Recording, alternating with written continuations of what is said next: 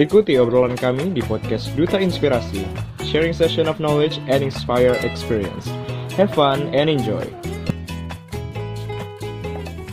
Assalamualaikum warahmatullahi wabarakatuh. Selamat pagi, selamat siang, selamat sore, selamat malam teruntuk sobat inspirasi di seluruh Indonesia.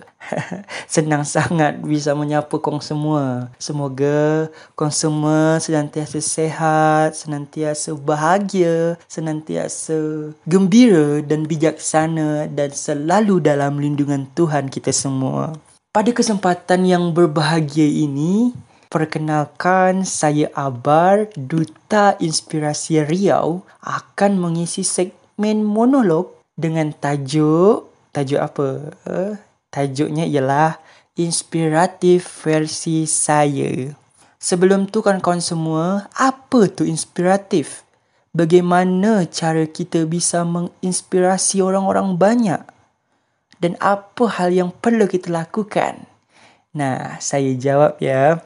Inspiratif tu ialah hal-hal yang patut diikuti. Hal yang patut dicontoh, hal yang patut ditiru dari segi mana pun itu. Yang penting terkesan menginspirasi. Kan kawan semua, inspiratif tu uh, sama halnya dengan inspirasi. Inspiratif tu saya tekan tekankan lagi dia selalu berhubungan atau impaknya dengan hal-hal yang baik, hal-hal yang bajik. Kalau buruk tu bukan inspiratif namanya kawan-kawan semua. Tu dah melawan hakikat sebenarnya. Jangan kita menginspirasi orang atau hal yang buruk kita inspirasikan kat orang semua. Tu bisa berdampak buruk juga kat kita. Kan kawan semua, Inspirasi itu bisa juga diartikan sebagai penambah semangat, motivation, rasa percaya diri untuk hadap semua obstacle, hadap semua rintangan yang mungkin akan didapatkan dalam mencapai mimpi-mimpi kita semua. So, kawan-kawan semua, inspirasi versi saya ialah bagaimana cara saya memotivasi diri saya sendiri agar senantiasa berbuat baik. Always have a positive impact on everyone. Selalu berbuat baik untuk sekitar. Selalu bermanfaat untuk semua orang. Itu yang terus saya buat. Saya tanamkan kat diri saya. Saya tekankan diri saya untuk selalu buat hal tu. Saya bukan hanya bisa menginspirasi diri saya sendiri. Tetapi juga untuk orang banyak. Kawan-kawan semua tentu tertanya-tanya. Macam mana cara menginspiratif orang banyak? Apa hal yang harus kita lakukan? Saya ada tips untuk kawan-kawan semua.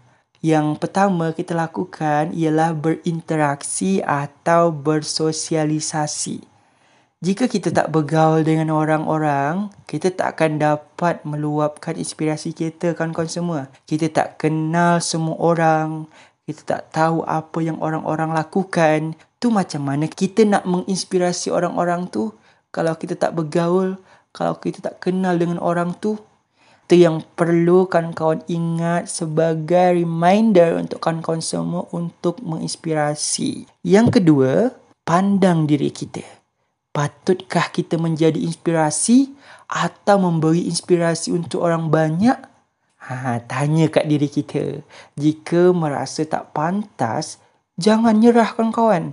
Jangan tak nak lagi nak lakukan hal serupa. Kawan-kawan cukup bergaul itu tadi, menurut saya dah cukup jadi manusia inspiratif kerana berinteraksi dan bersosialisasi. Ha, jadi kawan-kawan semua, intinya selalulah buat hal-hal yang positif, buat hal yang terbaik versi diri kita sendiri jangan pernah berhenti buat kebaikan kita tak tahu kadang dengan apa adanya kita dengan kesederhanaan kita dengan tak banyak kisahnya kita itu yang menjadi inspirasi untuk orang banyak kadang-kadang jangan malu untuk bergaul it's so important sebagai penutup dengan apa yang pernah dikatakan Pak Sandiaga Uno, dia kata macam ni, inspirasi tu datang jika kita sering berinteraksi dan bersosialisasi. Uh, ingat tu kawan-kawan, inspirasi datang jika kita sering berinteraksi atau bergaul dengan orang-orang. Kawan-kawan semua, saya nak berpesan sikit lah. Saya nak pesan macam ni. Uh, mungkin tak penting-penting sangat, tapi saya rasa ni penting kot. Uh, gini pesan saya. Jangan main-main dengan masa.